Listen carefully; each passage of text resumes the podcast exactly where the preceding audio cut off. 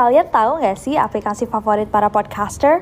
Aplikasi yang jadi kunci sukses para podcaster untuk ngerekam podcast-podcast keren mereka cuma dari smartphone, namanya Anchor. Anchor ini kalau aku bisa bilang adalah all-in-one app yang simple banget. Gak heran kalau para podcaster bilang bahwa aplikasi inilah kunci kesuksesan dari podcast-podcast mereka. Di Anchor, kalian gak cuma ngerekam suara, tapi juga bisa ngedit. Mulai dari rekaman, isi lagu, efek, dan lain-lain. Yang paling aku suka adalah karena Anchor ini super fungsional. Aku bisa langsung upload podcast aku ke Spotify atau platform lain langsung dari Anchor. Kalian bisa download Anchor di smartphone kalian langsung dari App Store, Play Store, atau dari web mereka www.anchor.fm. Trust me, Anchor is your best friend to create stunning podcasts. And you know what? It's totally free. Hey guys, it's Nancy. Nero. keluarkan organ-organ tubuhnya dan hampir semua dikuliti. Oh, uh.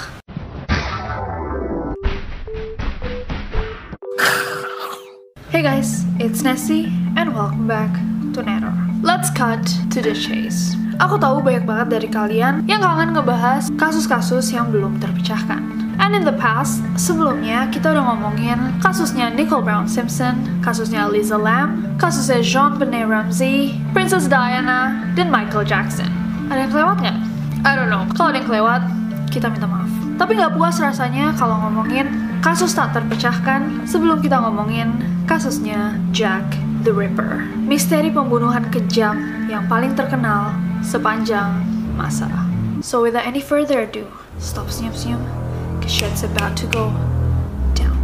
Jack the Ripper adalah seorang pembunuh berantai paling terkenal di dunia. So buat teman-teman yang suka ngikutin true crime stories, pasti nama Jack the Ripper sudah sangat tidak asing. Malah super-super familiar. Kasusnya sampai hari ini tidak terpecahkan. Well, aku tahu ada beberapa kalian yang udah kayak, enggak kok, beberapa tahun lalu aku baca kasusnya sudah dipecahkan. We will get there. Kita bakal bahas itu. Tapi ya ini misteri yang besar sejak kejadiannya di 130 tahun yang lalu. Dan dimulai di lokasi kumuh di distrik Whitechapel, London, Inggris pada 1888. Di saat waktu Jack the Ripper beraksi, ada sekitar belasan pembunuhan yang terjadi pada waktu yang sama, kayak mirip-mirip, waktu yang berdekatan. Tapi bukti terkuat dari korban-korban Jack the Ripper ada di lima pembunuhan yang dikenal sebagai The Canonical Five, atau lima korban resmi. So sekeji dan pintar apa Jack the Ripper sampai dia menjadi vokal point di sejarah true crime? Kita akan mulai dengan membahas timeline kejadian.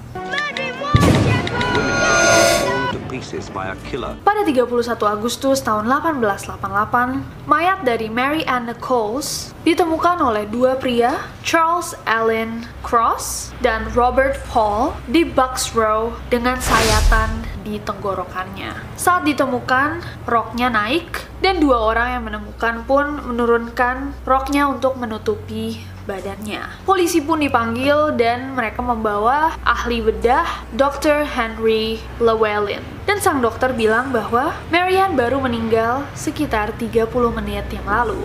Yang berarti bahwa sang pembunuh masih ada di area yang sama. Dan setelah dicek, Ternyata lehernya disayat dua kali dari kiri ke kanan, perutnya dimutilasi dengan satu luka tusukan besar, ada beberapa sayatan juga di perutnya, dan tiga atau empat sayatan di sebelah kanan tubuhnya yang merupakan hasil dari pisau yang sama. Pisaunya diestimasi memiliki panjang sekitar 15-20 cm dan dipakai mostly dengan sangat kejam dan menyayat turun.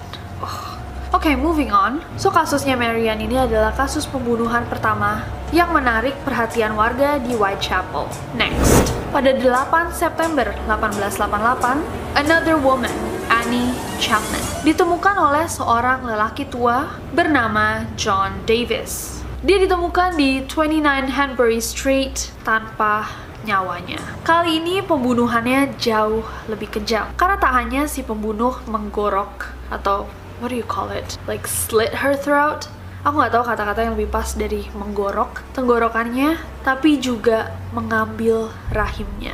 Dr. George Baxter Phillips yang menangani kasus ini mengajukan ide. Basically dia bilang bahwa ini kayaknya pembunuhnya ini memiliki pengetahuan anatomi. Karena cara dia menarik rahimnya si Annie ini kelihatan banget dia mengenal banget organ-organ internal manusia. Sejak Dr. George Baxter Phillips bilang gitu, orang-orang mikir kayak mungkin pembunuhnya adalah seorang dokter. Moving on, pada 27 September 1888, sang pembunuh hanya sekitar 19 hari sejak kejadiannya Annie Chapman, sang pembunuh mengirim surat ke polisi. Surat ini dikenal sebagai Dear Boss Letter atau surat untuk bos yang terhormat. Kalau kita mulai surat biasanya untuk siapa yang terhormat, kalau ini Dear Boss kan. Jadi Dear Boss Letter. Dan ini isi suratnya. Dear Boss, saya terus mendengar bahwa polisi telah menangkap saya.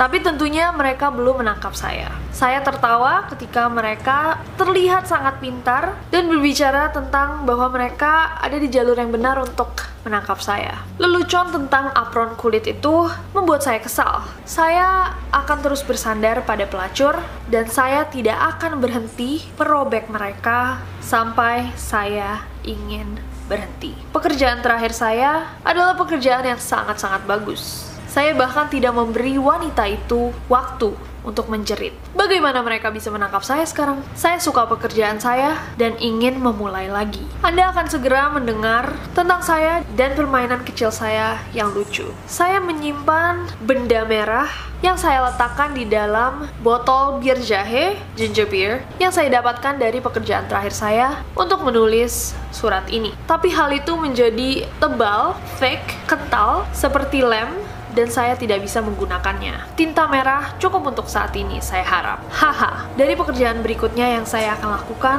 saya akan memotong telinga korbannya dan mengirimkannya ke polisi untuk bersenang-senang. Ya, oke. Okay. Simpan kembali surat ini sampai saya melakukan lebih banyak pekerjaan. Pisau saya sangat tajam dan bagus, sehingga saya ingin segera bekerja lagi ketika ada kesempatan. So, semoga berhasil. Hormat saya, Jack the Ripper. Jangan pedulikan saya memberi nama dagang, maksudnya dia Jack the Ripper. PS, tidak cukup bagus untuk mengirimkan ini sebelum saya menghilangkan semua tinta merah yang ada di tangan saya. Belum beruntung, mereka bilang saya seorang dokter sekarang. Haha, oke. Okay. Dan itu adalah surat pertama dari Jack the Ripper, di mana dia memberi dirinya nama dan sejak saat itu semua orang mengenalnya sebagai Jack the Ripper. Kalau kalian sadar dia tadi bilang bahwa dia menyimpan sesuatu di dalam ginger beer bottle. Itu mungkin yang dia maksud adalah rahimnya si Annie Chapman yang dia tadinya mau bikin buat jadi tinta untuk menulis suratnya. He's sick. Moving on, pada 30 September 1888, tubuh Elizabeth Stride ditemukan oleh Louis Dimschutz dengan tenggorokannya tercabik. Tapi tampaknya pekerjaan yang satu ini dilakukan secara tergesa-gesa, membuat banyak orang berspekulasi bahwa mungkin yang ini tidak dilakukan oleh Jack the Ripper. Saat diidentifikasi, sekali lagi dinyatakan bahwa Elizabeth baru aja meninggal 30 menit yang lalu. Mungkin saat si Louis Dimschutz datang, si pembunuh kayak, oh ada orang datang, jadi dia cepet-cepet aja cuman bunuh si korban dan dia cabut.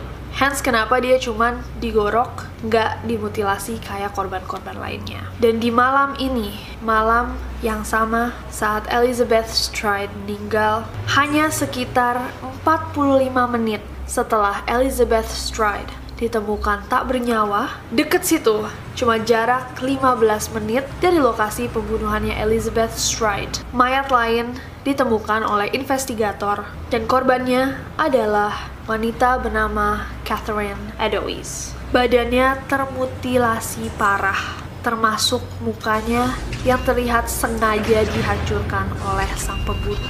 Dan hal yang paling aneh adalah setelah melakukan pembunuhan di area meninggalnya Catherine Edois, sang pembunuh berjalan balik ke arah lokasi pembunuhan yang pertama. Yang berarti bahwa satu, dia berani dan sengaja melewati kerumunan polisi dan investigator atau dua, mungkin dia tinggal di area ini. Dan di area pembunuhan keempat ini, si genius killer ini tak sengaja meninggalkan satu-satunya bukti dari semua kejahatannya yang berupa potongan celemek dari Catherine Edelweiss. Dan potongan celemek ini yang dipakai selama berpuluh-puluh tahun, bahkan ratus tahun, untuk mencari siapa sih Jack the Ripper. And moving on.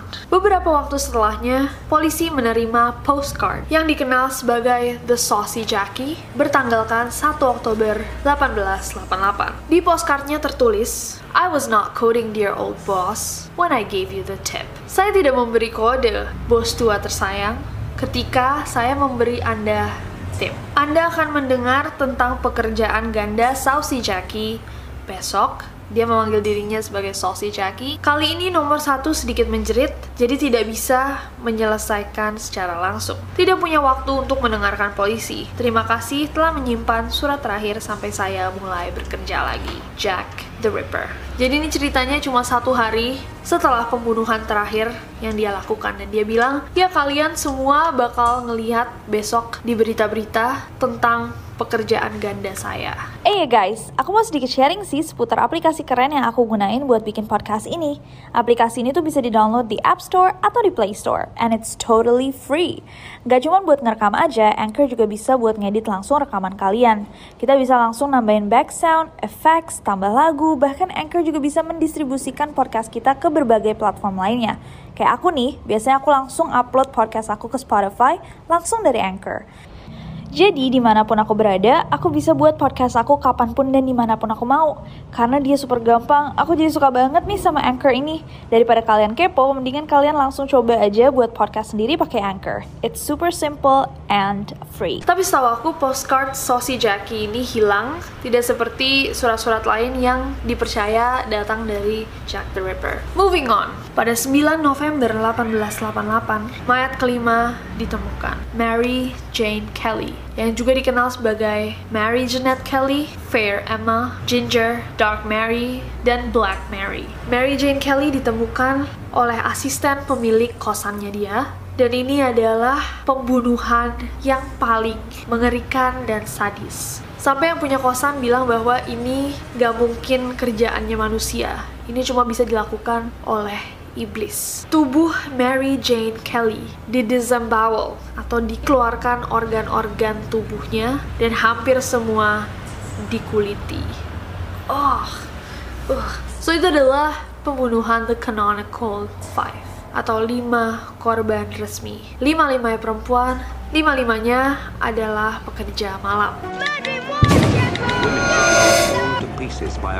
So next kita bakal bahas sedikit tentang deskripsi perawakan atau physical appearance dari Jack the Ripper. Dari pengakuan saksi-saksi yang mengaku pernah melihat Jack the Ripper, hampir semuanya mereka bilang bahwa dia adalah laki-laki berumuran antara 25 sampai 35 tahun, 165 sampai 175 cm, stocky atau kekar dengan kulit terang dan kumis. Beberapa bersaksi bahwa mereka melihatnya memakai coat berwarna gelap dan topi berwarna gelap juga. Dan semua saksinya bilang bahwa dia terlihat sehat, sangat normal, tapi mampu melakukan hal yang sangat sangat kejam.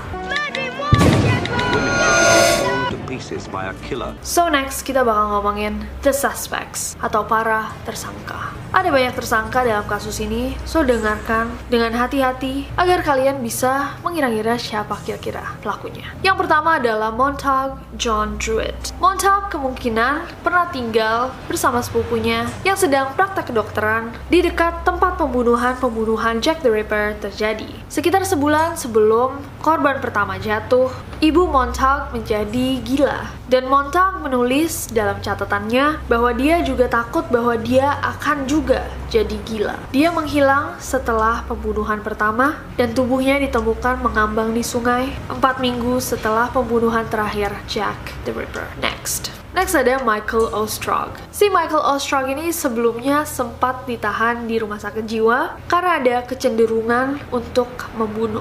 Meskipun dia tidak mempunyai alibi yang kuat yang bilang bahwa dia tidak melakukan pembunuhan-pembunuhan ini, juga tidak ada bukti yang signifikan yang bisa mengaitkan dia dengan kasus-kasus pembunuhan Jack the Ripper. Jadi kenapa nama dia masuk sini? I don't know. Tersangka ketiga adalah Aaron Kosminski, seorang penduduk daerah Whitechapel yang menghabiskan waktunya di rumah sakit jiwa setelah ia melakukan pembunuhan. Ia dikenal mempunyai kebencian yang parah pada wanita, terutama PSK.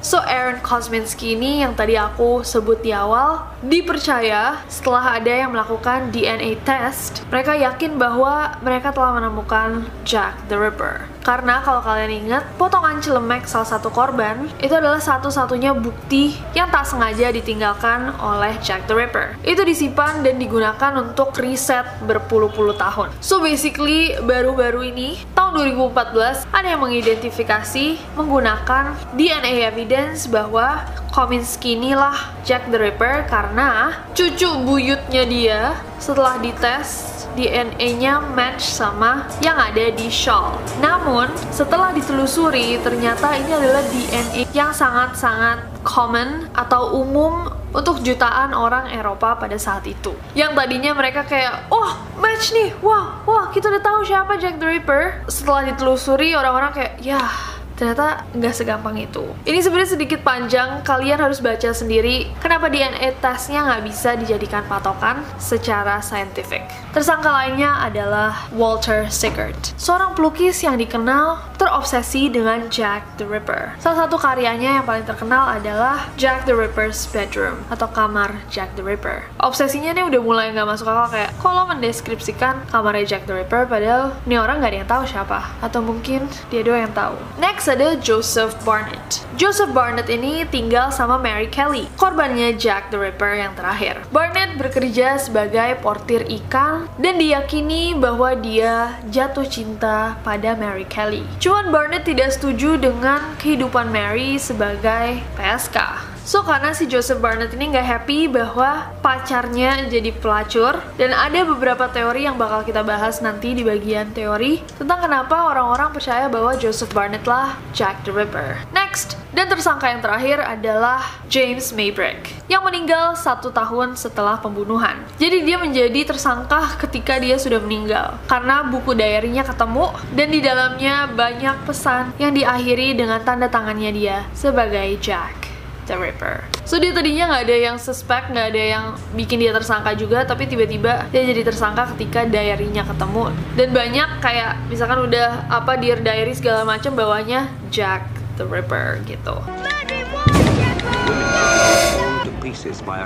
Chapter yang terakhir adalah teori konspirasi. Sebenarnya ada beberapa lagi suspects atau tersangka yang memiliki teori yang lebih dalam. Kita bakal balik lagi tadi ke si Joseph Barnett. Kenapa orang-orang berasumsi bahwa Joseph Barnett lah Jack the Ripper. Kayak aku tadi bilang, si portir ikan ini jatuh cinta pada Mary Kelly, korban terakhirnya Jack the Ripper. Dan banyak orang yang berteori bahwa dia sengaja membunuh para prostitutes atau PSK-PSK yang ada di Whitechapel agar Mary Kelly takut ke jalanan dan stop jadi prostitute. Jadi dia sengaja membunuh orang-orang ini agar perempuan yang dia cintai ini mau stop jadi PSK. Tapi akhirnya mereka sempat berdebat besar, teriak-teriakan, berantem, Joseph Barnett pindah, dan 10 hari kemudian tubuh Mary Kelly ditemukan tak bernyawa di dalam apartemennya. So kalian ngeliat benangnya? Semua prostitutes yang lain dibunuh di jalanan kecuali Mary Kelly. Berarti Jack the Ripper mungkin tahu cara masuk ke apartemennya atau di mana PSK yang satu ini tinggal. So mungkinkah Joseph Barnett membunuh cinta sejatinya? Next.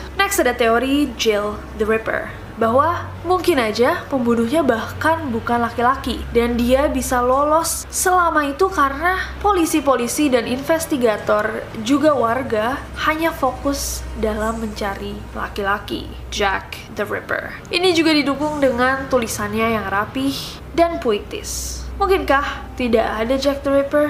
Melainkan Jill the Ripper? Next, salah satu tersangka yang tadi aku tidak sebut adalah Pangeran Albert Victor Christian Edward, cucu dari Ratu Inggris. Pangeran Edward ini dikenal sering mengunjungi daerah-daerah di mana korban-korban ini ditemukan. Dan beberapa orang percaya bahwa dia memiliki penyakit sifilis yang membuatnya gila dan melakukan hal-hal kejam seperti pembunuhan. Dan teori ini didukung dengan tidak tertangkapnya sang pelaku, so bisa aja polisi-polisi tidak berani menangkap sang pangeran walaupun mereka tahu dia salah. Mungkinkah Next. Next ada teori bahwa Jack the Ripper itu bukan satu orang, melainkan banyak orang. Jadi mungkin semacam ISIS kalau hari ini. Jadi mungkin aja banyak pembunuhan yang dilakukan orang berbeda-beda. Tiba-tiba ada satu orang yang kayak, hey, I'll claim everything. Saya akan mengklaim semuanya. Jadi seakan saya adalah figur yang wow banget. Padahal nggak ada yang tahu siapa sebenarnya Jack the Ripper dan berapa orang di balik nama itu. What do you think? Dan terakhir ada teori bahwa Jack the Ripper merupakan polisi pemerintah. So ada teori konspirasi yang bilang bahwa hey, mungkin pada saat itu London itu dipenuhi oleh imigran. Jadi orang-orang dari negara-negara bermacam-macam semuanya datang ke England secara ilegal dan legal mencoba mencari nafkah. Dan banyak dari mereka yang jadi gembel dan akhirnya tinggalnya di tempat-tempat kayak Whitechapel. So mungkinkah pemerintah pada saat itu sengaja memberi satu figur untuk menggemparkan masyarakat agar mereka takut dan tidak menerima para imigran. Jadi kalau misalkan pemerintahnya tiba-tiba bikin peraturan bahwa wah kita ban imigran nggak boleh masuk lagi, rakyatnya bakal mendukung karena mereka juga takut. So itu adalah teori-teori. Kalau kalian masih mau percaya yang DNA-nya sudah temu dan pelakunya adalah Aaron Kosminski, juga nggak apa-apa. Tapi please share teori kalian di bawah. Siapa menurut kalian Jack the Ripper? Apakah ada detail-detail yang keskip sama aku dan timku? Mungkin kalian bisa menjelaskan juga. Please share di bawah. Aku menyediakan dan mengundang kalian untuk berdiskusi di bawah. Tidak harus saling menjatuhkan, tidak harus saling berantem. Just to discuss. Biar kita semua menambah wawasan dan mengasah otak. Siapakah Jack the Ripper? Apakah Jack the Ripper itu orang asli? Atau bahkan, it's not even a person?